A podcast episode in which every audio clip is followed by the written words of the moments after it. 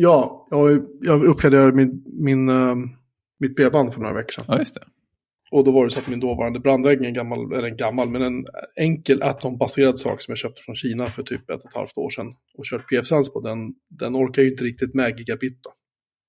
Just det. Så den tyckte att någonstans vid typ 400 megabit, 440 megabit så sa den att ja men nu, nu tar vi det jävligt lugnt här. Nu ska vi inte ha så bråttom här. Så ehm, våra eh, kära lyssnare, eh, eller vår kära lyssnare Jonathan, tillägga min kollega då för övrigt. Han hade en Edge Router X liggande hemma och så visade det sig att min andra kollega Filip hade, och, hade en vanlig Edge Router liggande hemma så jag fick båda två. Så nu har jag redundans. Och nu eh, efter att slog på någonting som kallas för hardware offloading där man lastar över mer av eh, routningen och så på själva processorn istället för att det görs på något annat sätt. Jag vet inte. Jo, i mjukvara antar jag. Jag vet inte hur det går till. Men hur som helst, man kan slå på den featuren. Den finns självklart inte i GUID för det är Ubiquity och de är ju så här. GUI är ju, det är ju dumt att ha med. Dumt att ha med alla features i ett GUI liksom. ja, ja, men då har ju folk ingen, ingen att fråga. Nej, så man får gå in i command line och hålla på och fylla sig. Eh, men jag slog på det och lite annat sådär och då så eh, får jag ut nästan en gigabit. Det är nice. Ja, det, det, känns nice. Det märks när man uh, ska se på tv så går det mycket snabbare att starta streamarna. Ungarna kan sitta och spela och ladda ner och hålla på spel och sånt. Och det läggar inte. Så barnen är, är jättenöjda. Allt är en fröjd. Ja, så nu är, det, nu är det lugnt och den har ingen fläkt, den är tyst, den ser så här misstänkt liten och enkel ut den där, men mm. den, är, den är ändå hyfsad liksom, kraftfull sådär för att Eh, Eh, för det man gör. Jag kör ju liksom lite port forward och så kör jag lite, eh, vad heter det, ja lite natt ut bara från mitt interna nät. Det är det jag gör. Anledningen till att jag ville köpa en sån här USG, eh, Unified Security Gateway eller Ubiquity Security Gateway eller vad det nu står för. Eh, Unified Security Gateway står det för förstås. Eh, det var för att jag ville ha in det i kontrollpanelen ihop med min wifi-antenn som också är Unify kan man se så här bandbreddsanvändning och wow, så här, snyggt. Liksom, så. Men det är ju kul en kvart, jag kom på att det kan jag leva utan. Dessutom går den där inte få tag i. Så att, eh, det är okej, okay. jag kan leva utan det. den är tydligen, har ju börjat bli, jag tror den släpptes 2015 den där, så den har blivit lite till åren.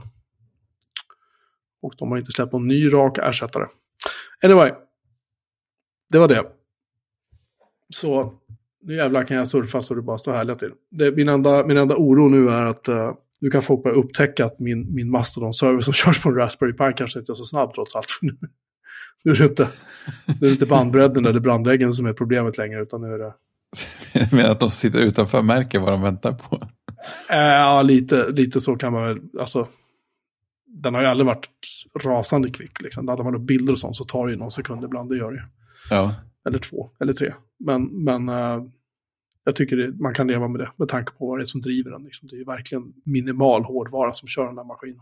Ja, det är vackert. Det är en Raspberry, en Raspberry Pi som kör Proxmox som sedan virtualiserar Ubuntu och kör Mastodon-servern. Liksom. Typisk grej som man tänker att en Raspberry Pi skulle göra i forntiden. Ja, nej, så att jag, jag känner mig jag känner mig nöjd. Mm. Så, för att summera. App Stories, ja. Vad pratar de om? Ja, det är ju en av en, ja, en trevlig podd som jag lyssnar på då, då som Federico Vitici och hans Mac Stories kompis John Voorhees gör. De pratar appar på alla möjliga varianter. Det kan vara så här ett avsnitt om eh, timer-appar för iPad eller fantasier om eh, vad man ska göra för mjukvara till Apples headset och så. Men nu gjorde de ett rätt upp och ner avsnitt om eh, Mastodon-klienter för iOS. Och det är trevligt. Det, är det, bara, det har blivit några nu. Ja, men exakt. De hann inte ens med alla, så de eh, planerar att göra fler avsnitt.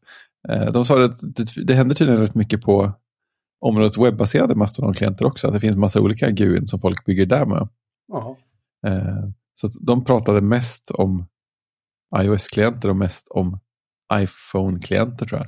Så det var så här, de, de pratade igenom Ice Cubes och Ivory och några till. Och det är roligt för de är, de är lite mera intensivanvändare av eh, funktion, specialfunktioner märker jag. Så de, de pratar om finesser i apparna som jag aldrig använt och sådär. Och så, så, ja, men Toot har ju den här grejen. Det är ju, det är ju nästan det bästa med Toot. det är något jag aldrig har använt. Så man, och det är så här, man får lära sig, man kan göra massa saker med hashtags och man kan följa hashtags tydligen. Och I vissa klienter så kan man så här, eh, sätta fast, eh, liksom, vad ska man säga, prenumerera eller se en given instans som en egen sektion och sådär. Så man bara kan se, ja men den här instansen där det är folk som pratar om det här ämnet som jag tycker är intressant och bara vill följa lite grann. Så kan jag lägga det som någon slags egen sektion.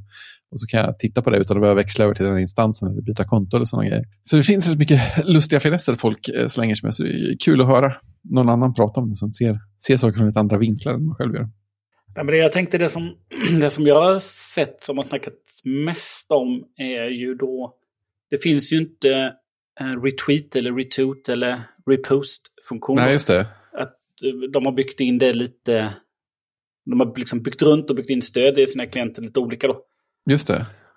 Eh, men att jag tror det var i roadmappen att det skulle komma med. Ja, de jo, men det är diskussion om det nu. Mm. Ska bara standardisera. Ja, det, jag kan tänka mig att det blir lite tryck nu när eh, Alltså så som jag, alltså nu lever jag ju, alltså alla lever ju liksom i sina flöden eh, liksom mm. på Twitter då. Men det känns som att tech-Twitter, de mm. lämnade nu då. Ja. Eh, när tredjepartsklienterna försvann. Så yep. hela liksom, tech-Twitter då som liksom, nej men den där eh, eh, standardklienten med alla ja. annonser och allt eh, allt dåligt då med Twitter som de upplevde då. Det vill vi inte befatta oss med. Nu Nej. lämnar vi. Och ja. så bara dök hela tech-Twitter upp. Så att det är ungefär mitt Twitter då, förutom lite andra som jag följer då. Ja, men precis. så deras finesser blir ju plötsligt väldigt sådär omtalade. Ja, precis. Och jag kan tänka mig att de då sätter press nu på, eh, på de eh, apparna som skapas. Ja, jag har ett, ett subset av mitt eh, Mastodon min Mastodon-värld också som är ganska energiska kring att diskutera textformatering också. Eh, sådär att, jag vet inte om Mastodon i vissa fall typ slänger bort en del. Om, om, om man skriver markdown-aktigt i sin text. Så del, dels skulle man väl helst vilja att det kunde visa så. Och, men sen är det tydligen vissa lägen då vissa av de tecknen typ rensas bort eller någonting av Mastodon rent serversidesmässigt eller någonting. Att, eh, någon så här spes som är halvotydlig. Så att det är mycket upprörda känslor där. Lämna mina asterisker i fred. så, okay.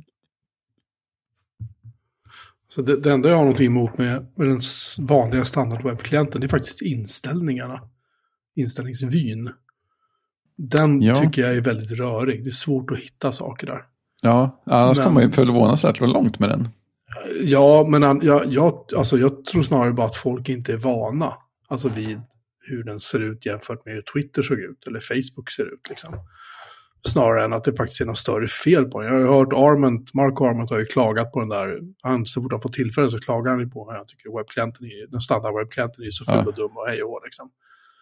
Jag skulle snarare säga att det är han som är puckad för att liksom, den, den, den är verkligen inte dålig. Den kanske inte är supersnygg, men den är, den är inte ful heller. Nej, och liksom funktionsmässigt det handlar om att du måste lära dig någonting liksom, som inte ser ut som det du är van vid. Så att, nej, jag, jag, tycker inte att det är något större fel på den. Sen har det här med teknik-Twitter har invaderat, det har jag också reagerat på lite grann. För att helt plötsligt, för jag, jag typ, man, när alla de här, äh, Mark Arment och, och äh, äh, vad heter han som kör Six Colors nu? Uh, Jason Snell. Jason Snell, alla de där dök upp. Så tänkte jag, om jag prenumererar på dem att se liksom så här, då kanske de göra någonting intressant. Liksom. Det kanske blir någonting. Men nej, de mm. kör ju bara vidare samma stuk som de gjorde på Twitter. Mm. Sen såg Jason Snell började plugga en massa poddar som han är med i. Då var jag så här, nej, jag prenumererar inte, nu, nu tar jag bort mm. det. Jag följer inte det längre. För att jag kände bara att det här... Det här, det är, inte, intressant. det här är inte Mastodon. Mastodon var någonting annat. Det är, det är någonting, lite grann som app.net. Det var någonting, det är något annat liksom. Så det är, det är lite så här man känner att... Det är li, lite med skräckblandad förtjusning, det är vad jag nu ska uttrycka det som, som jag, som jag märker att Twitterfolket har dragit in. Liksom. Ja, och det är ganska många jag har följt som jag sedan har avföljt. Jag har mutat en uppsjö med människor som kommer in och kör standard, eh, alltså om politik eller om vad det nu än må vara. Eller typ vi hatar Mac, vi hatar Windows, vi hatar Linux. Sen kan man skoja lite om det, det är en sak. Men mm. alla de här, alla som liksom vill politisera på något sätt, de har jag bara tyst. Jag vill inte se, jag vill inte höra för jag orkar inte. Liksom. Nej, precis. Ja, för jag tycker Mastodon är så här, det är, lite, det är, lite, det är en skön liten känsla. Man går in där ibland och så har man det lite så här, det är avslappnande liksom. Så. Yep. Lite surr sådär. Och så är det inte mer med det liksom. Det är bara min högst personliga åsikt förstås. Om man vill följa människor som är arg på vare sig vänster eller höger eller mitten eller vad det är så får man väl göra det. Det är väl upp till var och en. Liksom. Men för egen del känner jag att nej, det är inte min, inte min bag. Nej. Fördelen med Mastodon är att du har ju ditt flöde. Det finns ingen algoritm då som börjar liksom lyfta saker som den tycker du ska se. Eh, utan liksom, Nej. De, de man följer, de följer man och de kommer i ordning och de inställningar man gjort, eh, de följer med då. Så jag hade ju någon följare som, som jag tyckte körde liksom eh, alldeles för mycket boostningar. Då. Mm. Och då kan man gå in på den användaren och säga att den här användarens boostningar vill jag inte se. Vilket har lugnat flödet lite. Ja, det har jag missat. Mm. Ja, nej, det har jag också gjort på några stycken. Det är faktiskt väldigt, väldigt nyttigt i vissa lägen. Uh, så kan man liksom, så skulle jag tänka mig att jag skulle vilja ha en, en, en tidsdag, men uh, uh, muta de här boosterna i en vecka. Och så ja, ner sig så, liksom, så automatiskt öppnar det upp sen och så, så kanske man märker igen då att oh, nej, det är fortfarande mycket, jag vill, jag vill inte då. Uh, så att uh, det, det, finns lite smarta funktioner, men just det där att ja, men det flödet som jag ställt in, det är det som kommer. Det finns ingen, det finns ingen algoritm som ska liksom visa mig det den tycker jag ska göra. Eller läsa. Sådär, utan jag får dem jag följer. Därför kan man göra det hur stort eller hur litet man vill. Det tycker jag är, är det, det, det, bästa. Ja. Så jag gör samma sak som det Jocke. De jag tycker, eh, liksom, man hoppar på ganska många som kommer in då. De dyker upp då kanske oftast via boostningar. Och eh, sen så märker man, nej men nej, nej, det här, det, här, det här var inte så roligt att följa. Då enkelt att plocka bort dem. Yep. Men jag sitter ju alltid, eftersom att jag kör så gamla mackar så får jag ju köra, får jag ju köra standard Mastodon webbklienten antar jag att du kör Jocke på din eh, instans. Ja, ja. Nej, men jag, bara, jag bara surfar in på den som vanligt. Jag har inte sett någon anledning till att byta liksom. Nej, men jag är så van vid den eh, så att jag tycker inte det är eh, något konstigt allt. Jag, jag såg en, en skön fråga från Axbom. Eh, tappade ju han eh, Per Axbom. Eh, han, eh, jag pratade om honom innan, han lämnade ju sociala medier för ett tag sedan. Mm. Men det finns ju på, eller han finns ju på Mastodon då, eller han kör ju inte Mastodon heller då. Han kör ju Axiom, eller vad det heter. Axiombom. han kör, men han har ju sin egen instans och sådär, men han migrerade ju bort från Mastodon. Eh, så han har ju något annat. Men det är Activity Pub så finns det på Mastodon. Då. Mm. Eh, men han ställer frågan till eh, Ivory-gänget om, om de skulle utöka Ivory och, och liksom stödja andra då eh, inom Activity Pub-sfären. Eh, eller om det bara var Mastodon. Och fick svaret då att eh, jo, men det kanske vi ska göra. Beroende på liksom, intresse och tid och allt sånt där. Just det. Så att, ja, det öppnas ju för spännande saker, de här nya klienterna. Ja, Akoma var det han körde. Akoma, precis. Ja, ja nej, det var ju sådana intressant glapp i, eh, kan jag känna i alla fall, i så här Activity Pub-spesarna. Eh, eh, för att jag vet inte om det, om det var med i samma tråd där, men någon av dem på Tapots han sa att det, var, fanns ju, skill det fanns ju så knepiga skillnader mellan olika implementationer. Eh, och då visade det sig att en av, de, en av de skillnaderna, eller om det var den, till och med den stora skillnaden, var att det unika idet på folk, i vissa, vissa implementationer så är det en sträng och vissa är det ett heltal. Eller ett tal. Det känns ändå som en ganska rejäl grej att så här skilja på, kan jag tycka. Jag vet inte riktigt. Det, det kanske man borde unifiera på något sätt. Men det är väl bara jag. Vad vet jag? Skönt att inte jag skriver klienter. ja. Än. Ja, mm. sant. Ja, men jag tycker det är spännande. Eh, eh, sen när... Eh, om det kommer fler sådana här Twitter... Twitterflöden eller som liksom, om, om liksom skulle dyka upp jättemycket politik att folk, liksom, de man följer även börjar liksom eh, liksom bredda sig i sina ämnen så då skulle man ju vilja ha de här funktionerna att, eh, att muta och så. Jag har ingen aning om det finns. Jag tror att det, det finns. finns. Det finns. Det har inte behövt användas än så länge. Du kan mjuta folk för all framtid liksom. Det... Jo, men jag skulle vilja mjuta ord då. Jaha, du menar så? Men det tror jag. och sånt kanske? Ja, det tror jag att du kan. Jag har för mig att de pratade om det i det klient, Mastodon-klientavsnittet av App Stories. Ja, precis. För det finns ju vissa, det finns ju vissa ämnen som, eh, som man till slut tröttnar på då. Ja, jo men just det. För jag tror Vitic hade blockat bort, eh, vad ska man säga, Twitter-relaterade ord och Space Karen-relaterade ord. ja, men som när man eh, en bit in i covid-pandemin bara kände att ja, men nu, nu mutar vi allt med covid, pandemi, sprutor.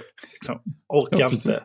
Eller in valrörelsen då. Nej, men nu så mutar vi alla politiska partier. Ja, ja precis. Så man liksom tysta en del av flödet då. Ja. Det finns ju folk man liksom, ja men de här personerna vill jag så gärna följa. Men jag vill inte ta del av, eh, av vissa ämnen då, eller vissa liksom... Nej, men precis. Jag har inte energin för det här just nu. Nej, precis. Och då är det skönt att kunna eh, muta. Och då, det tycker jag var bra på, eller är bra på Twitter då, att då kan du muta och så ställer du in tiden då. Liksom. Ja, det är snyggt. Och sen så bara liksom dyker det upp igen. Fyra år. Väck mig till nästa valrörelse. Precis i början så länge jag orkar med. ja, exakt det jag hoppas att Mastodon slipper är det här, det här skräniga Twitter. Där folk så här krampartat lever om för att de ska synas och få uppmärksamhet. Och liksom lite grann som på YouTube när folk börjar ha så här, deras thumbnails blir bara mer och mer och mer clickbait liksom. För att få folk att klicka på deras filmer. Lite grann kan jag känna samma sak på tweets. Att de överdriver, eller på Twitter menar jag, att de överdriver och saltar och liksom gör sig jätte, ah, så här liksom, se mig, se mig, se mig liksom. Istället för att bara låta det växa organiskt liksom. Eh, som jag föredrar att allting ska göra. Jag hoppas, jag hoppas att, att Mastodon slipper det. Jag tror att de som kommer till Mastodon tror att de kan köra vidare i samma stil. Liksom på Twitter för att liksom, för här, här ska man ju glömma att här fanns det ju redan ett antal miljoner användare när, när Twitter-floden kom. Liksom. Ja, visst. Eh, så här får de ju börja om från noll lite grann. Men då tar de med sina andra Twitter-polare som följer dem och så fortsätter de ju. Så att jag kan nästan säga att det kommer bli typ två läger vad tiden lider. Att det liksom blir så att Twitter-folket å ena sidan kör sitt race. Och så har du de här gamla mastodon-folket, om man säger så, kör sitt race lite grann. Och de kommer kanske inte att träffa varandra så mycket. Så skulle det kunna vara. Jag, jag, kan, jag kan tänka mig att det, det, finns en liten risk för det. Men vi får se. Det kanske är så att uh, alla kan anpassa sig till varandra så blir det bra. Liksom. Världsfred och allt det där. Man kan ju hoppas. ja. Det går ju gått bra hittills. Håll, i, håll i, skicka alla dem till en egen instans och så blockar man hela instansen. Just det, det är twitter.social. ja. Nej, men jag, tycker annars, jag tycker annars att Mastodon känns jättebra. Det känns mm. det är jättekul att vara på Mastodon. Det är liksom, eh, jag blir glad när jag går in där. Det är en skön känsla. Man, man blir lite upprörd när man går in på Mastodon. Ibland kan man känna så här att att det dyker upp någon som är så här, visste ni att uh, den här uh, personen här och här, här, eller när de typ börjar, ändå värre börjar twittra om amerikan, eller förlåt, tota om, om amerikansk politik, då blir det bara nej, nej, nej, nej, nej, orkar inte. Mm. Typ så då kan jag känna att det blir så här, ah, ja, okej, okay, bra, mute, mute, mute, mute, så, så känns det bra igen. Hur som helst. Ja, men man kan, vi kan sammanfatta det som, eh, eh just nu så ger ju Mastodon mycket energi. Mm. Ja. Jämfört med Twitter då som eh, tar, tar mycket energi, eller tog mycket energi. Japp, det känns som en bra sammanfattning. Okej, okay. Eh, lämna det och gå in på lite iCloud Advanced Data Protection. Det låter ja. som någonting som jag inte kommer slå på. Data. Nej, det är lite svårt för att du kan inte slå på det. Därför att din Mac är för gammal. Ja, jag har ju en iPhone. Ja, men allt som är anslutet till iCloud måste köra den senaste versionen av alla operativsystem. Så du behöver köra MacOS, vad det nu är, som är senaste. Vad skönt. Det vill säga det som jag och Fredrik kör. Uh, mm. Du behöver köra, köra iOS 16.3 på Apple TV, Apple Watch eller Apple Watch. Det är inte 16.3, det är Apple Watch, vadå? 7 eller 9 eller vad fan det är. Ja, Apple Watch, WatchOS. Eh, du behöver köra det på iPads. Uh, du behöver köra det på allting som är anslutet till ditt iCloud-konto. Mm. Och i mitt fall så innebar det um, även mina barns uh, uh, Apple TV. Så det är faktiskt en, också en uppdatering ska jag säga. Mm. Vi kommer till det strax. Eller jag kan ta det nu. Det, tidigare så kunde jag inte se dem i min hemapplikation. För att jag hade ju lagt till dem, jag tror jag hade ställt in så att bara liksom ena sonen kunde se sin eh, Apple TV och andra sonen bara kunde se sin Apple TV. För jag tänkte annars kommer de bara sätta igång och försöka mm. busa liksom. Men nu har den faktiskt dykt upp i hemvyn efter uppdateringen till 16.3 på allting här hemma. Mm. Så har den dykt upp i hemvyn eh, på min eh, iPhone i hemapplikationen också. Vilket jag upptäckte nu precis, alldeles nyss. Coolt, coolt. Eh, men grejen är det att för att det här Advanced Data-projektet ska stödjas så måste du köra senaste version av alla OS. Därför att alla versioner innan dess anses inte, eh, dels inte vara säkra nog, men dels också att har de inte funktionerna som krävs för att det här ska funka. De kan inte prata med iCloud om, om du inte kör senaste versionen av det. och det har jag gjort och jag slog på det och processen är, den är ganska grundläggande i det att de, de eh, först säger den till så här att okej, okay, men de här, de här grejerna måste du uppdatera. Annars så släpper vi inte in dig. Du får inte slå på det här. Det är tydligt. Ja, och det hade, jag hade typ någon, någon Windows-dator som jag kört iTunes på. som jag liksom inte ens har kvar längre. Det är så här, mm. någon grej jag körde ett tag bara för att det var kul. Och den så här, gammal version av iTunes här, där måste du uppdatera, annars liksom, okej okay, bra, men jag tar bort den i mitt iCloud-konto, okej okay, bra, sa den. Uppdatera ungarnas HomePods, och sen kunde jag göra, då är det så här, bra, här får du en kod nu. Den här måste du skriva ner. Och jag har tänkt, nej, jag tar en skärmdump på den bara, det är lugnt. Liksom. Ja, men Skriver ner den sen. Ja, jo det. Och sen så bara tar man nästa, så bra, skriv in koden du just fick. Ja, just det. Oops. Så då hade jag tagit upp bilden som jag hade tagit på min iPad, för det synkades över. Och så skrev jag ner på papper faktiskt, eh, med min absolut finaste handstil. Och sen tog jag bort den bilden ur mitt iCloud-bibliotek. Även om det nu är krypterat så, liksom, man vet aldrig.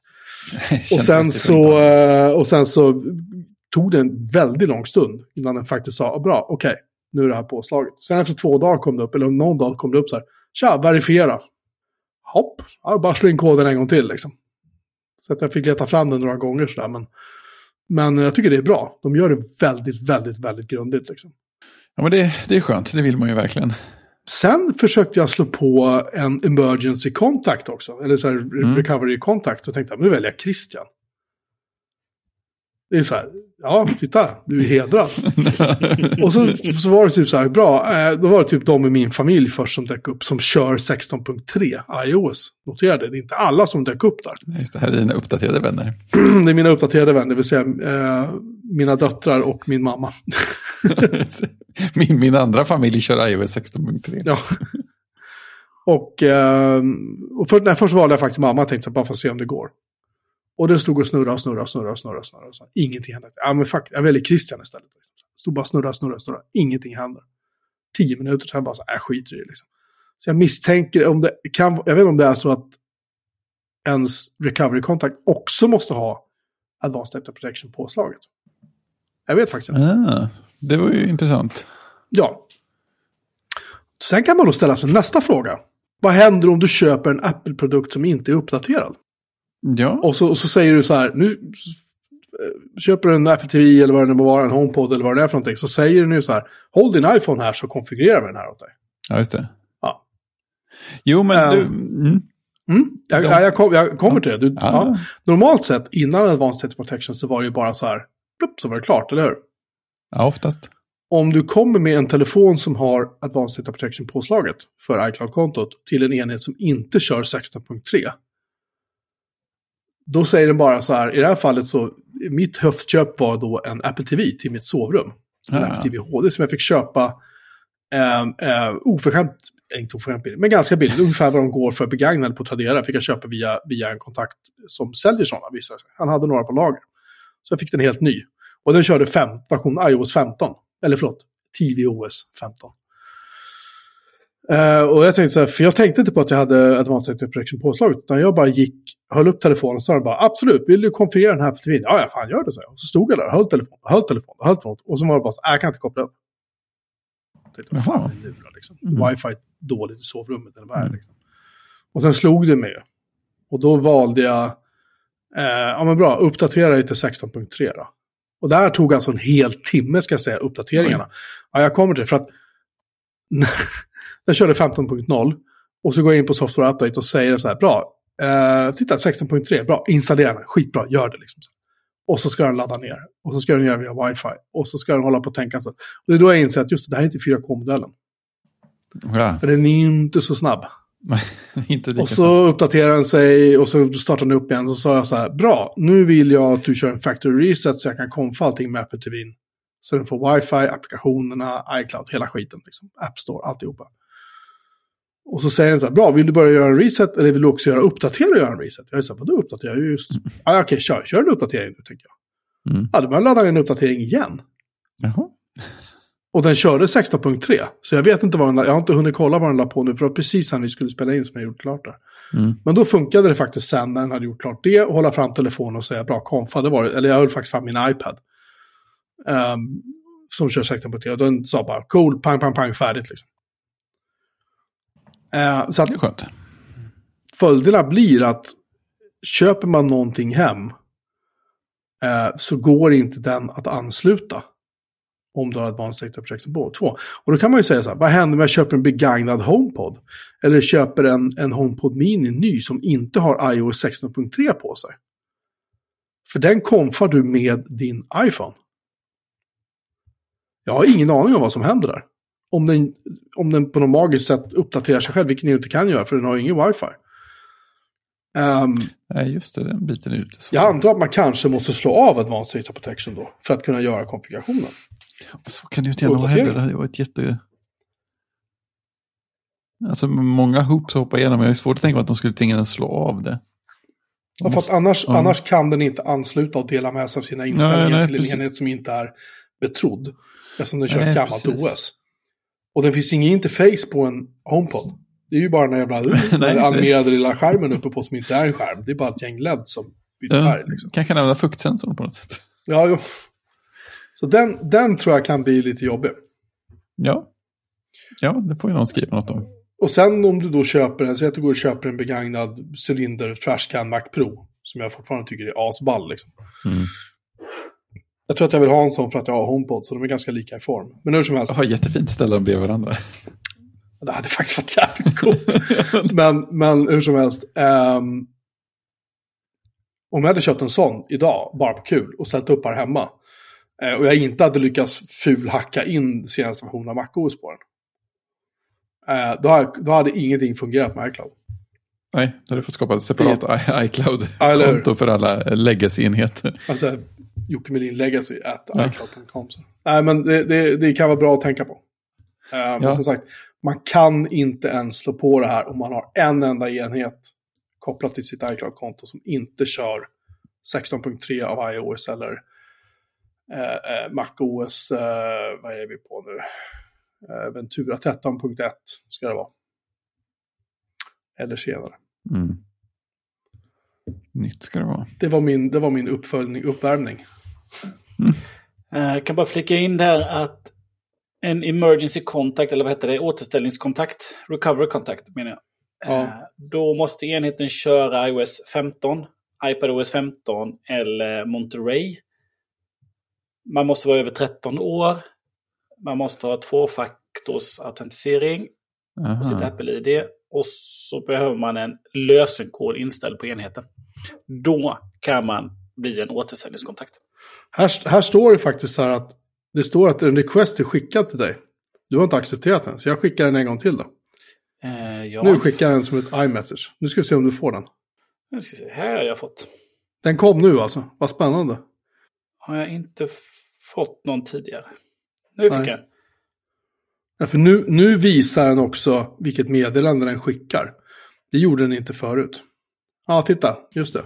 Så fint. Jag skickar till mamma också, nu kommer hon få panik när hon får den. Åh, oh, nu är Christian min recovery content. Åh, oh, vad mysigt det blev det. Du och jag Christian. Fredrik, inte för att du ska känna utanför på något sätt. Lita bara inte lika mycket på mig. ja, men du bor ju ändå i Göteborg liksom. Ja, jo, vad kan man begära? Fint. Ja, men vad bra, då är jag löst det. Jag tror jag, jag, tror jag, har, jag tror jag har min lillebror som återställningskontakt. Ja, men Albert kan man ju faktiskt lita på. Så är det ju. Oh ja, oh ja. Eh. Blev han väckt mitt i natten förresten? Ja. ja, det var en lite rolig grej. Jag var ju hemma hos honom i, eh, var det fredags, lördags?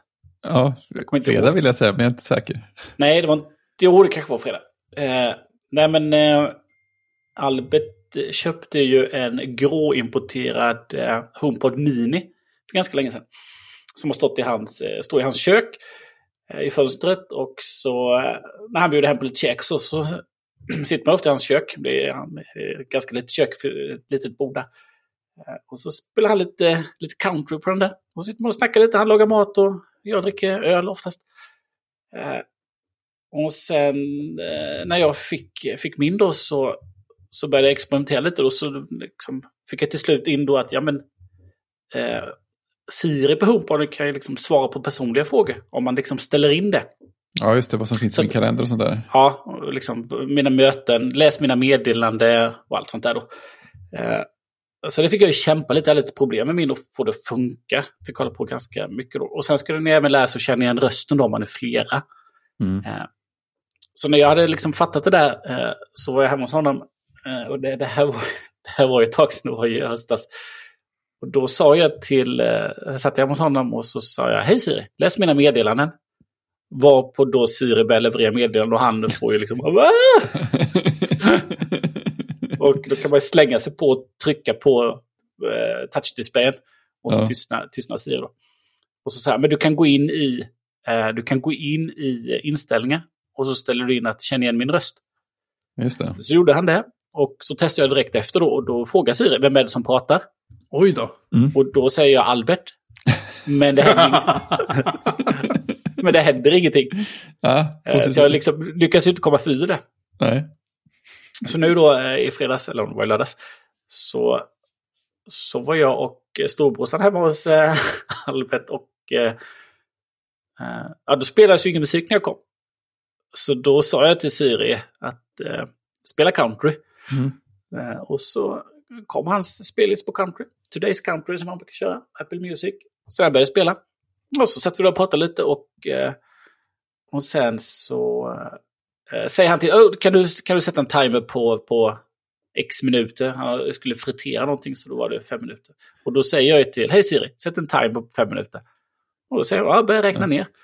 Och sen så säger jag, sätt ett alarm på 02.00. och då står han i köket så han hör ju när hon sätter ett alarm. Ja. Bara, vad nu då? Ja, du, kan, du kan bara säga till henne att eh, liksom, eh, avaktivera eller ta bort alla alarm. Ja. Då gör han det och så gör hon ju det. Bekräftar ja. det. Eh, och då testar jag. Hej Siri. Läs, läs mina meddelanden. Mm. Då börjar hon läsa upp hans meddelanden. Och han bara, men vad är det här? Jag har väl ställt in. Och hoppar han in i appen och då är det inställt. Jaha. Så hon, eh, hon brydde sig inte om någon sekretess. Hon började Nej. läsa hans meddelanden bara rakt upp och ner. hon tyckte ni lät likadant. Ja, sen så, så gick han iväg. Och då sa jag, eh, han gick iväg på toaletten, och då, då sa jag, eh, hej Siri, sätt ett larm på 0700. Ändå snäppet Och så kom, han, så kom det, sa du någonting? Nej, jag sa ingenting. Det var ingenting. Sen vet jag inte om han stängde av det eh, sen efter vi hade gått. Då. Så jag vet faktiskt inte. Han har inte Nej. sagt någonting. Men det han inte vet om då är ju att eh, om du startar hemappen eh, och eh, sen eh, på din HomePod eh, håller in så kan du ta information om tillbehöret, alltså lite settings. Då, då ser man först liksom musik. Men om man scrollar ner där så finns ju alla, alla alarm. Och då Aha. ser man om något är påslaget. Kan man bara mm. stänga av det med en liten ja. switch där. Eh, men jag tror inte han vet det. så jag, jag, vet faktiskt inte om han blev väckt eller om han eh, liksom hade om man kommer ihåg sen att han skulle säga till Siri att stänga av alla. Ja, alltså det känns som att om du fortsätter med det ett tag så kommer han förr eller senare få vanan att alltid säga hej Siri, ta bort alla mina larm varje gång han går och lägger sig. Ja. den står ju då i köket, han har ju en och han använder ju inte den till det då. Han, han, eh, han gnällde på mig att jag tyckte att jag skulle sätta ett, eh, men sätt ett alarm på, på klockan istället. Men jag har ja. ju jag har ju Series 3, den är ju lite, Siri är lite trött på den. Så det är mycket lättare att snacka med HomePod. Och dessutom hör ju han när det, det, är färdigt. Däremot så ser man ju inte så snabbt. Eh, det kan man ju tycka att HomePod kanske skulle ha. Då, att den, liksom, istället liksom, bara för att visa Siri-färger skulle det vara en mm. riktig display där som kunde visa nedräkning och så. Man på. Ja, eller hur? Hade varit trevligt. Ja. En mätare som tömdes. Så här. Ja, eller någonting. Ja, och det är samma sak. Cirkulär så. Ja, och sen också är också en liten nackdel med, eh, med HomePodarna att man, man ser ju inte när Siri reagerar om man är en bit ifrån. Ja, det är dumt. Eftersom att liksom sitter du ner liksom, så ser du ju inte toppen på det. Nej, det finns ingen och den lyser inte upp så jättemycket eller? Nej, det gör den ju inte. Det skulle nästan varit ett litet ljus under också. Ja, det var ju snyggt. Så man har sett, ja men nu lyssnar hon ju, nu kan jag prata. Ja. För de här eh, Amazon-puckarna, de lyser upp förvånansvärt starkt om det, om det är lite halvdunkelt i rummet i alla fall. Mm, ja, jag kan tänka mig. På, på ett annat sätt. Nej, men inga... det gör inte Siri. Amazon kör inte med så mycket så här finess och diskreta grejer. Strålkastare. Jag såg recension, recensionerna på nya HomePod Gen 2 har börjat komma på YouTube nu då. Ja. Eh, kom ju om det är idag som embargot har släppt kanske. Ja, jag tror att det är det. Ja, så, så det dök upp eh, massvis. Mm. Eh, men då såg jag faktiskt en som inte var från de traditionella tech-killarna då. Och tjejerna. Mm. Eh, som I Justine och Marcus Brownlee och allt vad de heter. Utan jag såg ju en från Eh, Smart Home Solver heter kanalen. Mm -hmm. eh, man kan säga att den här killen då, han bor i USA. Eh, oj. Oj. Eh, där startade auto, autoplay, du vet. Eh, nej, men han, eh, jag funderar på vad han heter. Det var det jag skulle ta reda på. Eh, han heter Reed. Eh, han älskar ju Smart Home då. Det, han har ju, ja det är så mycket. Eh, hela, hans, hela hans kanal går ju ut på liksom vilka attraktioner kan man göra? Vilka saker är bra? Vad har jag? Så han hade då fått hem recensionsexemplar, två stycken.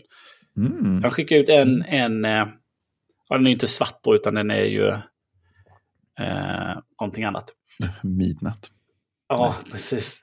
Eh, eh, och eh, så hade han testkört kört dem. Och det jag tänkte komma till var då eh, när han jämförde lite med Amazon då.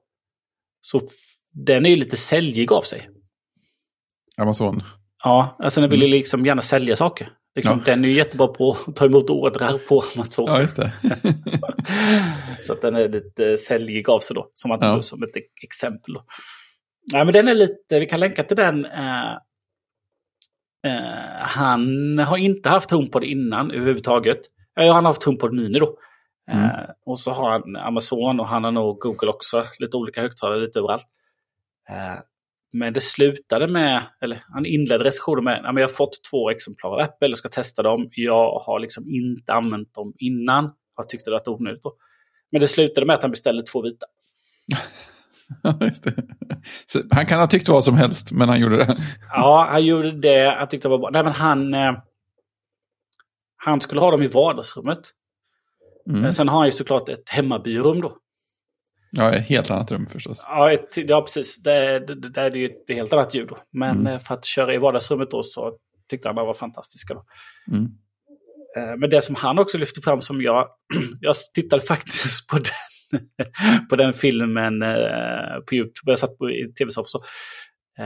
Han och hans fru satt oftast med airpods på och tittade. Mm på, på kvällarna när barnen liksom precis har lagt sig. Ja, just det. Och sådär. Och så kopplade in, de hade varsina och kopplade in oss och satt de och tittade. Och jag satt precis och tittade så för Liv satt och spelade äh, Roblox med en kompis och jag liksom pluggade in AirPods Pro och Perfekt. tittade så. Ja, det är otroligt smidigt. Eh, det är ju en eh, stark fördel när man sitter med Apple TV och bara kunna ta fram sina AirPods och så är de uppkopplade och så mm. synkade perfekt. Ja, det är helt magiskt, även om jag sitter ju ändå ganska långt ifrån tvn i vardagsrummet här och den bara direkt när jag tar upp HomePoden så bara, ah, ja, ska vi växla över ramen? Tryck på den här knappen. Ja, det kan vi väl göra. Pang, och så någon sekund senare så hör jag ljudet från Apple TV. När jag hör det, vrider, som jag precis förberett för att vrider jag på huvudet så ja, då flyttas så ljudet mellan hörlurarna så det blir starkare höger med huvudet åt vänster och vice versa. Liksom.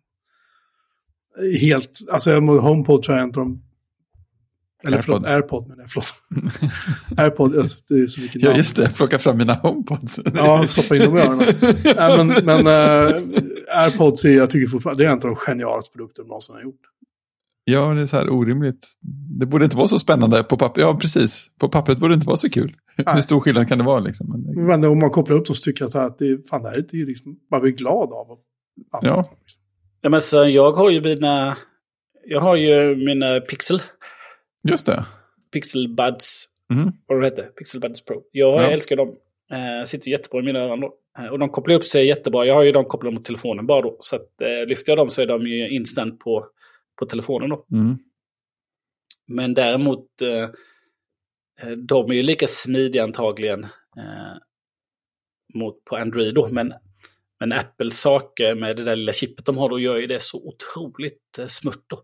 Mm. Eh, det är fördelen med, med Apples saker. Det blir ju det är otroligt nice.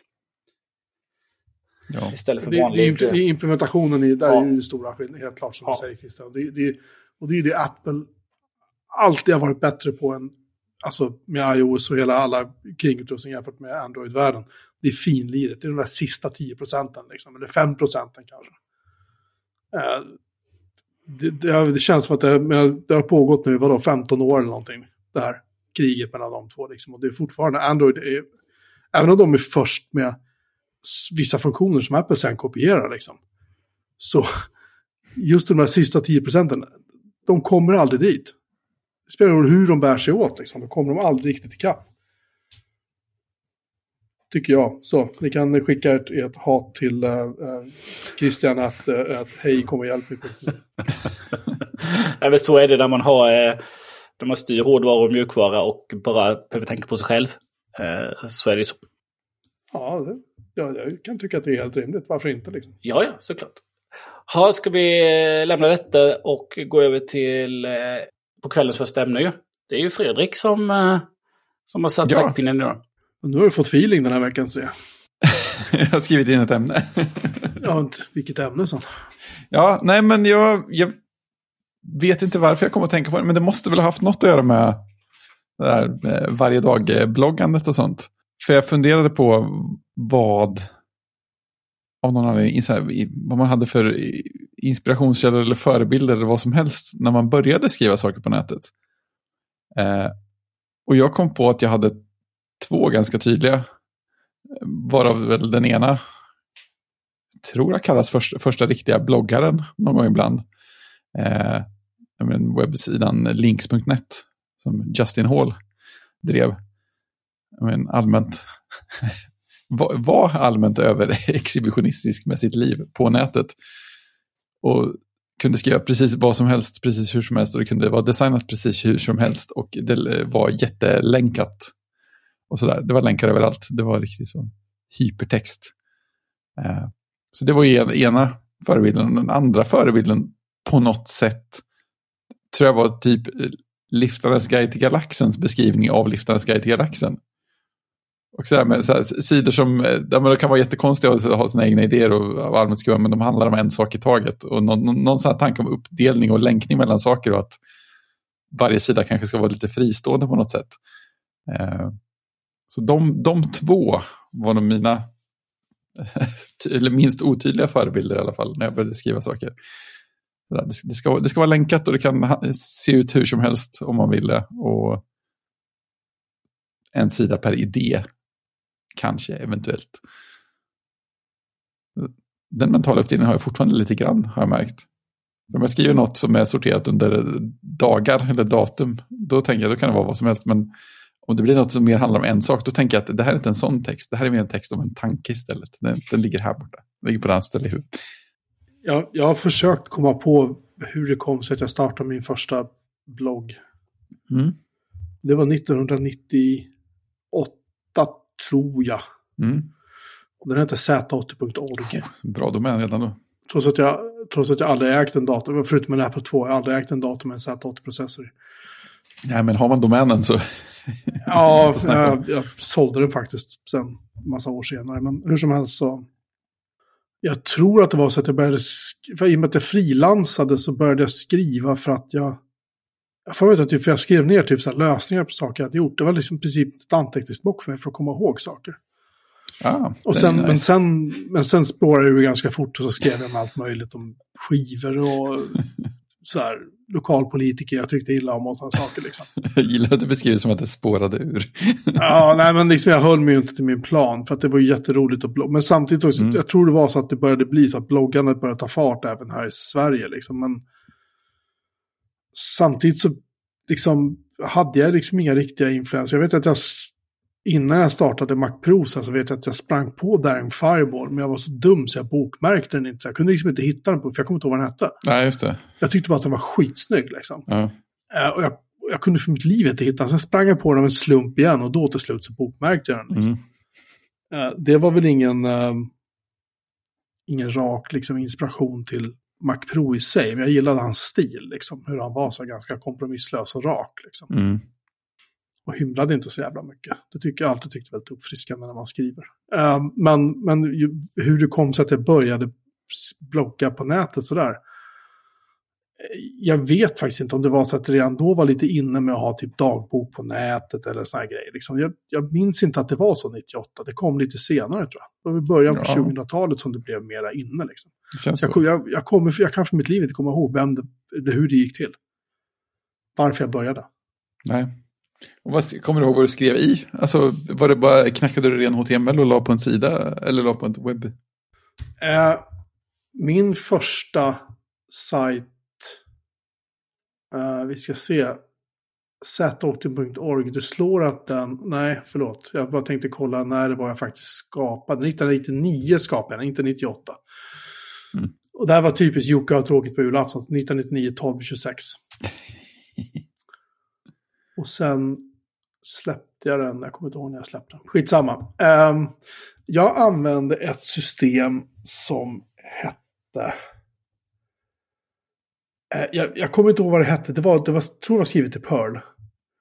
Uh, och så skrev man bara ehm, uh, webbinlägg i vanliga textfiler och la dem i en katalog.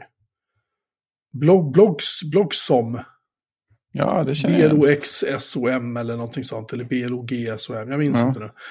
Det går att hitta det fortfarande, men jag tror inte det går att köra på någonting vettigt. Liksom. Nej. Jag, jag började till min sida den 6 eh, oktober 1998. Den som jag började skriva aktivt på. Här, vi ska se. BLOSXOM, förlåt att jag avbryter, men det var så mm. den hette. Det var ett Perl-skript, precis.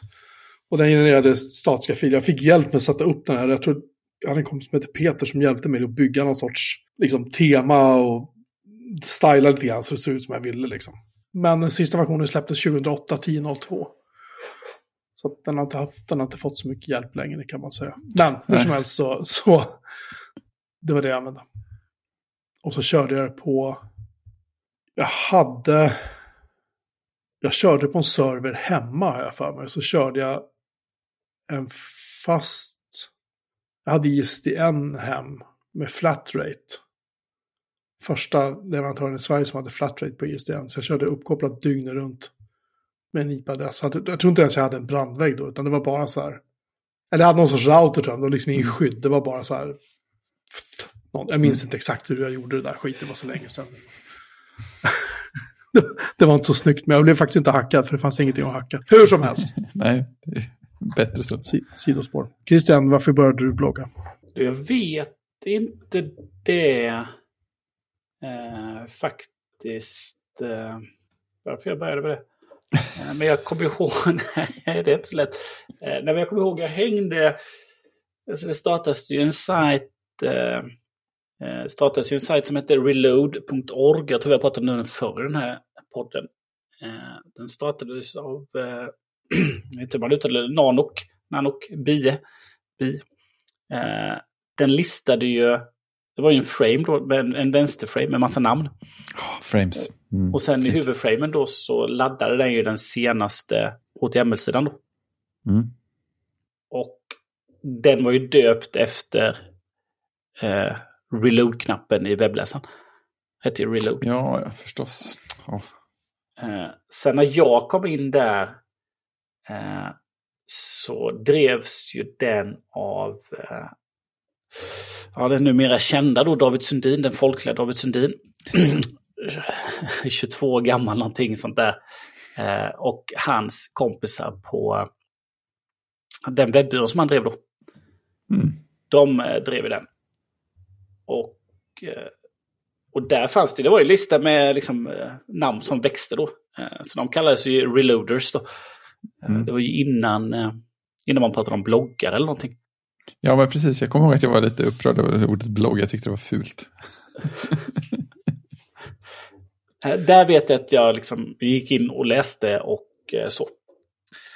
Sen var ju det mycket liksom, liksom deras kompisar från Stockholm och sådär som var där. Där, jag vet inte var jag, var jag började följa honom någonstans. men han låg med, han låg säkert med där Eh, på Eh, eh, eh, på, precis, jag tror han låg med, eh, precis, jag är helt säker, han låg med där precis. Eh, på Reload låg Anders Hultman med. han bloggade och hans hemsida finns fortfarande kvar. då låg den ju inte på, på den domänen han hade då. Det var säkert någon, ja, vad kan det varit då? då låg det ju på Eh, jag undrar om det går att se. Det är alltid spännande vad saker låg på på den tiden. Ja, hur? Ja, det tycker jag. Det fanns knappt några saker att lägga grejer på då. Nej, då var det mycket Trippnet och Algonet. Ja, Torget och Passagen. Ja, hem.passagen.se. uh, var det många som hade på. Men hans hemsida finns fortfarande kvar. Uh, ligger den på anders.hultman.nu. Uh, och den ser precis likadan ut som då nästan. Uh, oh. Och han fortsätter ju att posta dagens bild. Oj, titta. Så att det finns fortfarande. Och så fotoalbum då. Det, hans fotoalbum liksom är från 2022 och men den ser precis, liksom, det är som att ja. resa tillbaka till tiden då. Så han byggde upp ett system på den tiden och det lirar fortfarande då. Det är ganska små bilder då. Ja, verkligen. Inga de, stora högupplösta eh, saker. ja, de, de, lyckas på något sätt se ut som att de är tagna för länge sedan. ja. Jag vet inte hur det går till riktigt, men... Eh, ja. En väldigt dålig kamera, eller komprimerar den väldigt hårt efteråt. Ja, jag vet inte. Det känns som att allt det kanske ändå är rätt automatiserat där. Ja. Däremot har han nog tagit bort sin... Eh, då tror jag han körde en, en dagbok också då. Mm. Men den är borta. Så ja. att, äh, det tycker jag att den fortfarande är kvar. Men där, där hängde jag på... Äh, där hängde jag faktiskt en hel del. Äh, däremot min första... Min första hemsida, den... Min första mailadress hade jag ju routat via Fidonet. Mm. Äh, hade jag. Sen skaffade jag ju... Sen skaffade jag en hemsida, det har vi också pratat om Fredrik, jag tror du har pratat om det avsnitt. Eh, det var ju precis när man gick i skolan, jag gick i gymnasiet 94-97, då läste jag ju liksom HTML, kurs i HTML. Mm. Och då började man ju bygga saker. Eh, och då, då satt man rätt ofta i datasalen på håltimmar och så. Mm. Men då hade jag en, eh, då hade jag en, inte en egen domän, men jag hade en hemsida hos uh, Jesper Mårtensson som hade, HT, han hade hts.pp.se. Och sen mm. han bytte han till hts2.org. Där under låg jag på en, en, eh, en underkatalog. Det var min första hemsida. Den, de finns tyvärr inte kvar för de indexerades aldrig av Wayback Machine, så de finns inte kvar.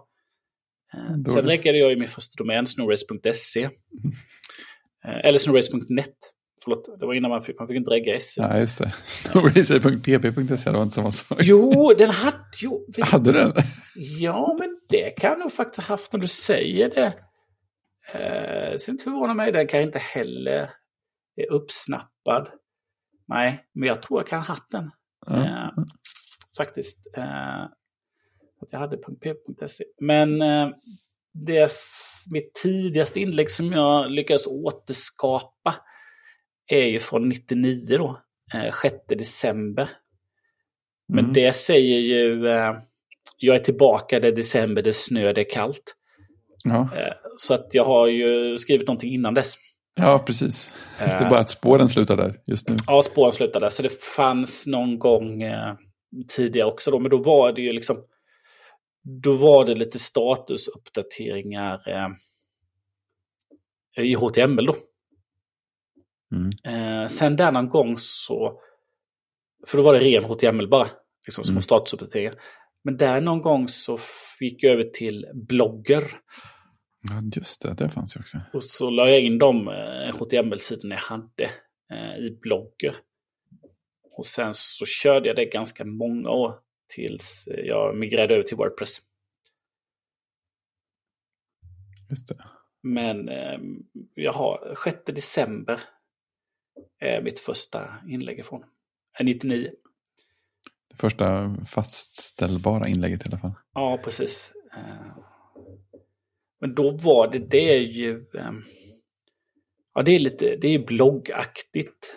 Eh, mm. Så då är det säkert, eh, jag gissar att det är från bloggetiden då. Så de grejerna jag skrev innan dess då, där man liksom hade en liksom, statisk hade, sida. Med statisk sida med en liten om. Och sen mm. hade man en gästbok som man liksom hade lagt in. ja, precis. Så var den helt annanstans. ja, så liksom bara liksom lite, lite uppdateringar och så lite om och sen så, ja men här la vi gästbok ja. så folk kan skriva någonting. För liksom, fanns ingen kommentarsfunktion. Nej, men exakt. Hur skulle det gå till liksom? Det var jättekonstigt. Nej, men just det. Jag vet att jag hade en statisk sida på, på torget. Med, den, var, den tror jag att jag skaffade typ någon gång 97. Men det var, det var en jättestor handritad bild som var en, en stor sån image map som man kunde klicka på olika bitar av. Jag undrar vad jag ritade. Jag måste ha ritat den med mus i något gammalt ritprogram. Den borde ju finnas kvar någonstans. Den tar inte mycket plats att spara direkt.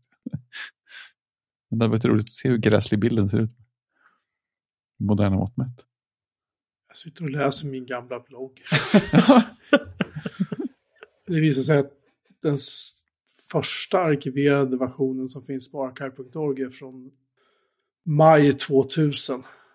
Då mm. körde jag det på en Red Hat Linux 6-server hos min dåvarande arbetsgivare. Han hade, han hade serverrum i, nere i Göteborg faktiskt. Mm. Eller i, i Mölndal. Mm. Och där stod den. Det är lite, det är lite så grejer att man har glömt bort liksom. Saker och ting. Japp. Yep. Uh, ja. Då, då hade jag inte blivit pappa ännu. Coral släpper Photopaint för Linux. Ja, just Gratis. Photopaint, det använder jag en del. Det var ju riktigt trevligt här för mig. Ja, det... Oj, vad bra den sidan fanns, visst inte. Ja, ja. Jag listar självklart min hårdvara på en sida också. Ja. Jag hade 256 meg ram i min arbetsstation. Och två stycken Celeron 2-processorer som hade överklockat och ett Voodoo 3 2000 grafikkort och 84 gig lagringsyta. Fy fan, den här datorn den rockar inte lite kan jag säga. Så hade jag en Ericsson MC218 som PDA, det var som Zion som Ericsson hade lablat om. så körde jag... Gjorde Ericsson sådana grejer? Ja. Eller ja, jag borde väl inte vara förvånad egentligen. Det är klart de gjorde.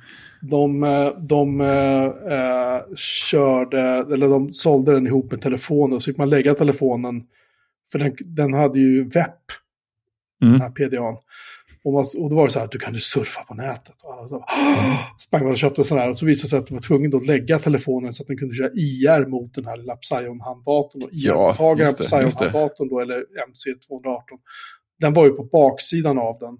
Mm. Och IR-sändaren på telefonen var ju på översidan av telefonen. Och satt man då på en buss där det inte finns några bord då var tvungen att lägga det här i knät och bussen är inte så att den liksom bara glider fram utan det var ju kurvor och upp och elände så att det gick aldrig att använda den. För jag tänkte att jag ska sitta när jag pendlar och vara så här effektiv och wow! Liksom. Ja, visst. Ja, det höll ju typ två dagar. Men jag körde alltså Windows 98 Second Edition, Windows 2000 Professional, Release Candidate 2, BOS 5 Pro och Linux Mandrake körde jag på samma dator. Mandrake, ja. ja. Men du hade ju rätt mycket disk. Ja, 84 gig. Och en zip-drive också. Mm. Ja, den skämdes inte för sig. Jag hade mer järn då tror jag. Ja. Oh, herregud vad vi höll på. Så hade vi Nörd.nu också, just det. Det är en bra domän. Ja, men det kanske jag berättar med han som startade user-friendly webbsajten. Vi, vi, vi hade i princip bestämt att vi skulle göra en länkportal som Yahoo, men bara med nördlänkar. Mm. Just det. Och ingen av oss kunde webbutveckling, ingen av oss kunde någonting om databaser, ingen av oss, det var bara statiska åtgärder som vi satt och editerade manuellt och det var ju liksom tables och texten flödade konstigt och man satt ju timmar och höll på med den där skiten. Mm. Men han hörde av sig då och sa, så här, kan ni inkludera mig i den länklista? Vi bara så här, absolut, hade aldrig talas om den. Liksom. Ja. Och sen vet han tackade oss rätt länge på sin webbsajt för att vi hade inkluderat honom. Det är, för, det är borta nu, men det, det, tyckte vi var jättekul. När vi ja, det är stort. Han, han, var ju rätt känd. Liksom. Ja, ja, visst. Hur upptäckte um, Så, det, det, var mitt claim to fame på den tiden. Men hur som helst, ja, nörd.nu heter den då. Uh, den domänens, jag tror vi släppte den och sen så Sen kom vi på att fan, det vore kul att ha. Nej, den var borta liksom. Den var mm. borta direkt. ja, kan tänka det. Var det nord.nu alltså? N-E-R-D. Ja, nörd. Ja, ja, förstås. Internationellt gångbart också. Det är ju genialiskt. Och sen om man går in på... Oh, jävla archive.org har kvar den fortfarande. Shit. vi lägger in länken i vår länklista för de som vill sitta. Det är bra. Vi, så vi använde en... Vi inledde, hade en Links Engine som hette Link Engine 2.0 av något Gossamer Threads. Hette den. Hittade vi till slut och la in.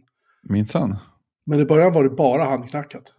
Så det var jag och min kompis Timian som gjorde den först. Och sen satt jag och höll på och underhöll den här rätt länge. Vill jag minnas. Ja, titta, kategorier. Så fint.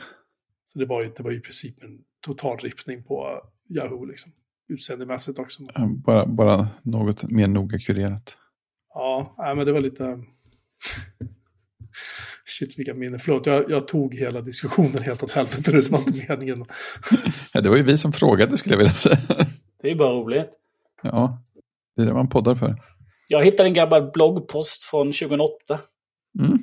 Ja, men då hade eh, Niklas Strand, eller han bloggade under Deep Edition, Deeped.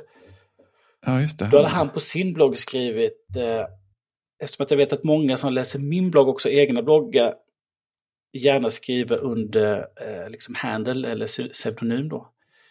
Så ställa två frågor. Hur skapar du din blogg, titel, namn? Eller om du använder en handle pseudonym när du kommenterar. Eh, hur fick du den? Och vad är historien bakom då? Mm. Då skrev jag då eh, varför jag är på snorres.se.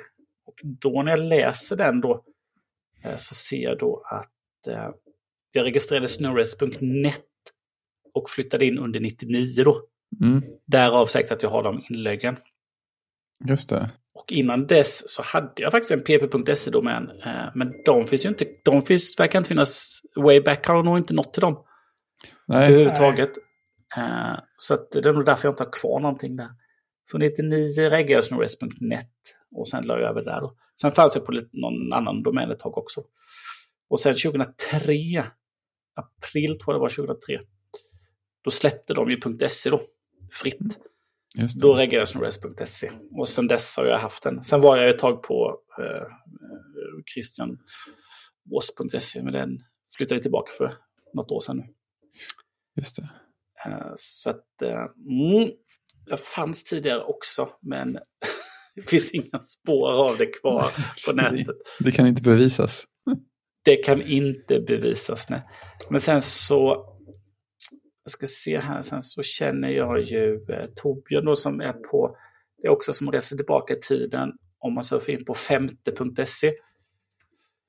Ja, är det den sidan som jag har varit inne på förut? Mm, den som bara är... Eh, ja, just det, precis. Den som bara är HTML eh, eh, och med frame då. Ja. Eh, han har ju eh, bloggat i all evighet. Ja. Eller skrivit, vad man ska kalla det då. Eh, däremot kan man inte gå tillbaka i hans arkiv så, så väldigt lätt. Då.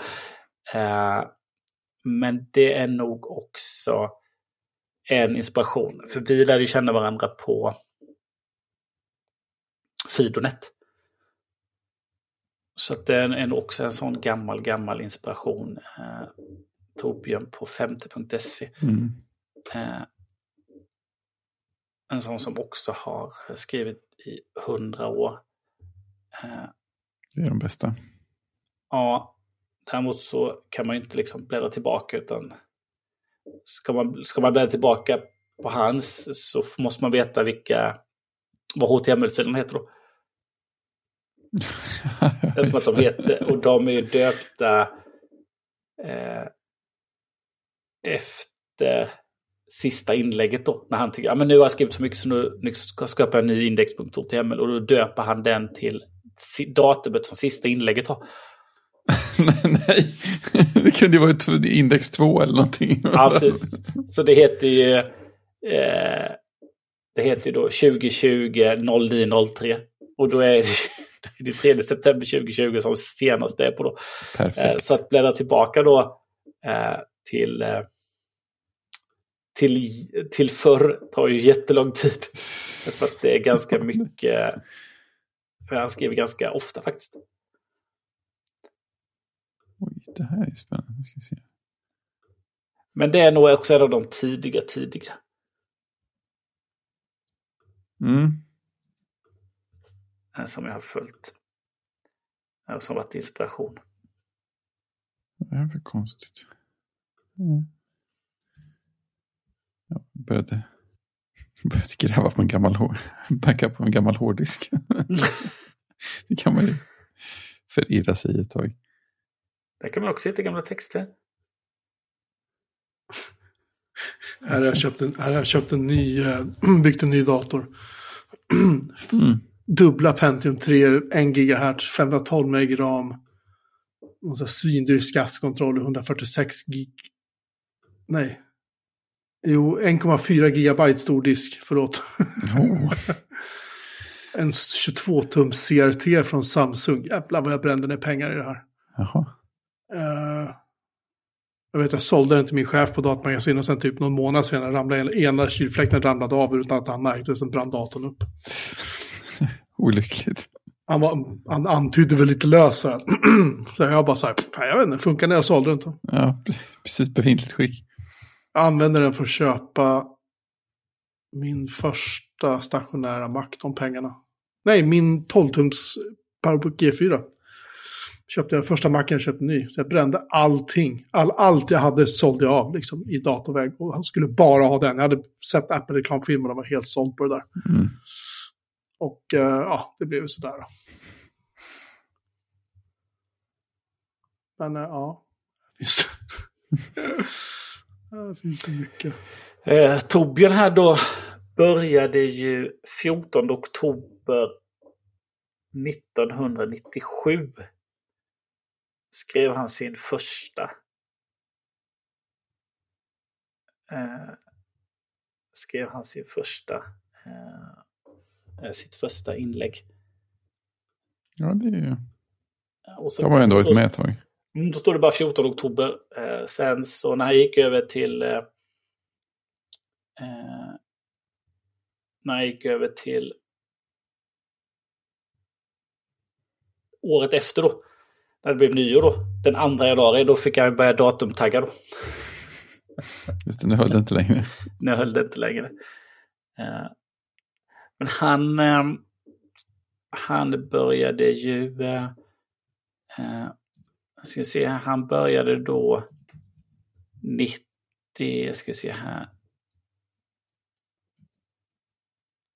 2001 så började han ju kallas, kalla sina uppdateringar för dagsstatus. Det tog jag ju mm. över sen. Så jag har ju fortfarande en kategori i min Wordpress som heter dagsstatus. Då. Som jag skulle ha liksom för lite kortare, kortare eh, statusar. Så jag började leka med det. Det är fint. Mm, mm. Då ska om man går tillbaka länge så då, då taggar han också vad han skrev på för dator. 4 oktober onsdag 1917 PC. 20 november 2000, söndag 22.28 Mac.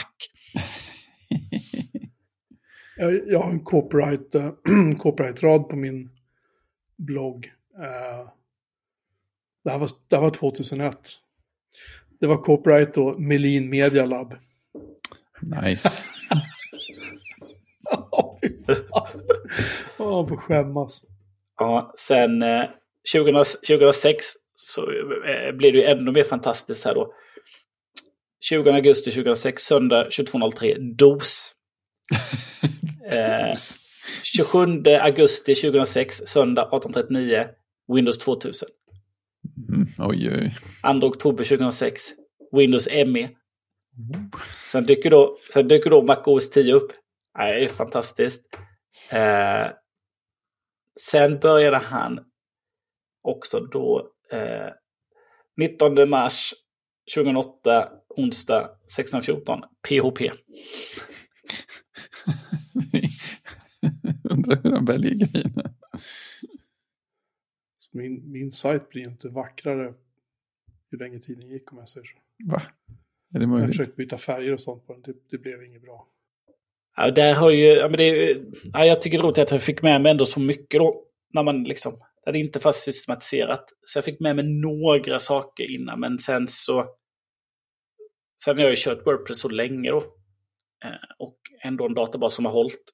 Så när jag fick över det från... Eh, eh, när jag fick med från bloggen till Wordpress, sen har jag ju... Sen är ju allt bevarat. Mm. Men de där riktigt tidiga, de finns inte kvar. De finns ingenstans. Titta, packfilerna för Quake 2. Det kan vara bra. Nej, jag får se om jag kan hitta den, min äldsta hemsida där någonstans. Den borde ju ligga någon mapp om jag bara kommer på vilken. Ja, ja. Här hade jag gått över till Movable. Nej, Grey Matter hade jag gått över till här. Faktiskt börjat få ordning på min sajt. Jag gjorde en logga själv som ser ganska hyfsad ut. uh, så. Om jag får säga det själv. Någonstans 2004 så verkar det ha gått över till blogg. Jag? Jag gjorde nog det. Jaha, du. Ja. För då, då, då, då uppmanar jag folk att lämna en kommentar nämligen. Och då skriver jag också blogger.com vill gärna att du skaffar ett användarnamn hos dem och börja blogga. Precis. Inom citationstecken. Ja, det är ett nymodigt ord, det kan man inte använda hur som helst. Nej, precis. Och sen 2006 så gick jag över till, eh, till Wordpress. Så då fick jag över december 99 till juni 2006. Då flyttade jag över från blogger.com. Mm. Eh, men det som fanns då någonstans där 96, 97, de sidorna, de sidor man hade då när man gjorde som uppdateringar, definitivt inte kvar. Nej, precis.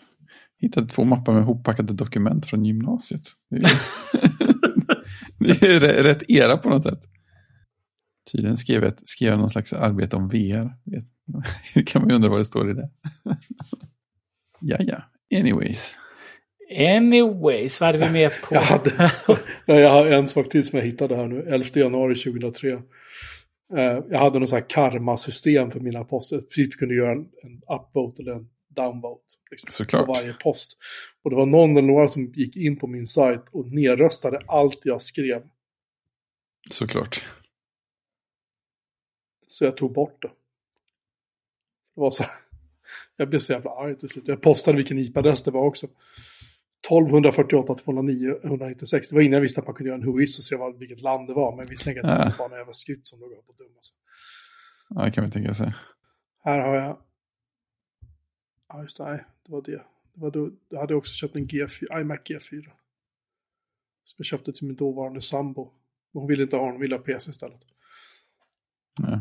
För att Excel såg inte ut som det skulle. så, hon gav den till mig, jag var så här, jaha. vad ska jag göra med det här? Så satt jag där och tänkte, vad ska jag göra med det? Ja, verkligen bokstavligt talat, för jag hade ju redan en G4, här, vad heter den, som jag köpte av Björnström. G4 700, Powermacken. Quicksilver eller vad den kallas för, jag kommer inte ihåg. Mm. Ah, hur som helst, vi kan sitta hela kvällen och hålla på och babbla om det här. Vi ska... Eh, RSS-flöden kan vi kanske spara till nästa vecka. Det, det tycker jag vi mm. eh, Och så ska vi istället gå in på mycket, mycket, mycket roligare. Fredrik. Okay. Jag har sett en serie som fick mig att typ inte vilja se på tv mer. ja, inte för att den var dålig, för att den, den var bra. Mm. Um, den går på Netflix och heter The Watcher. Och den baseras faktiskt på en, en sann historia. Det, det, det är någonting som fortfarande till denna dag inte är löst. Um, en familj från New York som är så här hyfsat framgångsrika lyckas köpa ett drömhus liksom.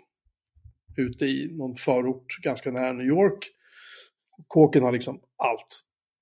Tomten har allt. Det är liksom bara så här, ungarna är helt så här, yay, alla är, åh, det är så, vilken, vilken kåk liksom. Men de märker att det är någonting lite knäppt med det här grannskapet liksom. De, de, har, det har spårat ur lite. Någon av granntanterna kommer och plockar så här rucola-sallad inne på deras tomt för de tycker att den, den har vi planterat där. Men han är som, du på min tomt. Ja, men den har ju vuxit under staketet. Vad ska vi göra åt det? Och det blir väldigt aggressivt på en gång. Grannarna är väldigt så här anti emot dem. Eh, och sen kommer någon annan granne som har en bror som, som eh, har lite, lite utmaningar i livet. Och han typ på något sätt lyckas ta sig in i huset och gömma sig i mathissen. Så, och så hoppar han ut där ibland och tycker att han ska vara rolig och skrämma. Så de skrämmer ju skiten ur den där familjen som har flyttat in där. För det vet ju inte de någonting om. Eh, och sen en vacker dag börjar han få anonyma brev i brevlådan. Som är ganska creepy liksom. Och det här låter som att det här är inte så läskigt, eller hur? Men det är gjort på ett sånt sätt så att det kryper under skinnet på det på en gång. Um, så jag har sett, jag har sett alla avsnitt. Och man kan tycka att det här, det här skulle ha varit en ensäsongsserie. Men självklart ska de göra en säsong till då. Och var ska de ta vägen nu? Det är ju liksom ingen som vet. Men, men uh, jag tänker inte berätta mer om det. Om serien mer än att man kan läsa om den på, på nätet, liksom verkligheten bakom den här serien. Så ser man att det här var verkligen så creepy som det beskrivs i serien. Jo, skumt. Ja, den är den är jävligt jobbig. Men bra. Bra skådisar liksom. Mm. Väldigt välgjort. Uh, så jag ger den 4 av 5. Att den inte får en femma är för att slutet kändes lite... Eh, det var lite för mycket trådar som hängde liksom. Men det beror ju delvis på att den här historien har ju aldrig klarats upp. Ja, så det är baserat så också. Det är... Yes. Och ännu konstigare en säsong till då, kan jag få mig. Ja, det är som sagt, vad ska de ta vägen då? då liksom? Det är det som jag är lite orolig för, att den kommer kanske inte vara lika bra, eller om jag ens kommer att se den, jag vet inte. Jag har ju fortfarande inte sett äh, säsong två på, äh, vad heter den här feelgood-serien på Apple TV Plus, äh, fotbolls... Ted Lasso. Ja, Ted Lasso, jag har inte sett säsong två av den än. Jag har liksom inte riktigt, jag har inte känt någon motivering att göra det, liksom, eller motivation att göra det, utan bara varit så här, jag tyckte säsong ett var så bra, det kunde ha slutat där. Ja, det kan ju räcka. Men det är kanske bara jag som tycker. Ja, hur som helst. Betyg, sa du det? Fyra av fem. Eh, den hade fått en femma om inte slutet hade varit så. Nej. Men som sagt, det är inte, egentligen inte seriens fel, det är materialets fel. Liksom. De kan ju inte gärna hitta på ett slut som inte existerar när det ska vara baserat på en sann historia. Så att, ja. ja kan, kan de väl. Man önskar ibland att hindra dem. Kan och kan kan väl, men jag vet det hade inte känts riktigt kosher faktiskt. Nej, det kan jag köpa. Kan jag väl tänka. Ja, nej, men det, det var vad jag hade. Allt man behöver. Från, från, från det, har ni sett någonting roligt ni vill ta upp? Så? Nej, jag har tittat lite mer på Endor, men jag är inte klar än. Så det, det går segt. Men det är vad trevligt. du så här långt? Jag gillar det. det. Som sagt, det är lugnt och behagligt tempo. Man hinner ju mysa. Ja, men det, det är lugnt och behagligt, men det är, det, det är så här den det är stabil. Liksom. Ja, verkligen. Men den, grejen är att den tar fart. Men den tar fart. Ganska, det tar ganska många avsnitt innan den kommer upp i varv. Även ja, men det kan jag tänka mig. Men jag tyckte att det var så att den... Det, gjorde liksom, det gör liksom ingenting att den, att den tar tid på sig lite grann att komma igång tycker jag. För den bygger upp det väldigt fint. Ja, verkligen. Känner inga problem. Jag har börjat titta på den där tv-spelserien på HBO. Last of Us. Ja, just det. Nej, det har kommit i... Eh, det har kommit tre avsnitt. Det är en sån här varje vecka. Alltså mm. den är ju väldigt... Den är väldigt omskriven och mm. pratad om på nätet. Ja, väldigt så. Så att jag får se vad den, vad den tar vägen. Det har kommit typ tre avsnitt hittills. Ja, tre, jag har sett två. Mm. Känns det bra så här långt? Ja, men det känns väl... Eh, det känns bra så här långt. Eh, det känns lite tv-spelsaktigt också. Mm. Eh, men jo, men den kan nog, ja, men den kan nog vara jättebra. Jag har ingen relation, min lillebror har en relation till, till spelet då, som han har spelat, tyckte jag var fantastiskt bra då. Just det. Men jag har ju liksom ingen relation överhuvudtaget till det spelet. Nej. Så att jag, för mig är det en tv-serie. Ja, men precis. Så vi ska, vi ska se vad det, vad det landar i. Precis, det blir spännande att se. Ja, men då så. Jag kom bort med filerna. ja, jag hittade, jag hittade en, en på webbsida där en kille som jag jobbade ihop med på nätverk kommunikation har skrivit om sin tid på tidningen och där jag hinner läsa fem rader ner så nämns mitt namn. Så här, oh, där måste jag se vad han skriver, men det var inget farligt alls. Det, var, Skönt. det stämmer ganska överens med så som jag minns det. Var ganska roligt. Ja. Ja, ja. I alla fall. Jag tror vi är klara för idag. Det känns så. Det känns så. Då tackar vi för uppmärksamheten för er som har eh, lyssnat på detta. Och vi hörs igen om en vecka. Tjing! Tjing! Tjing!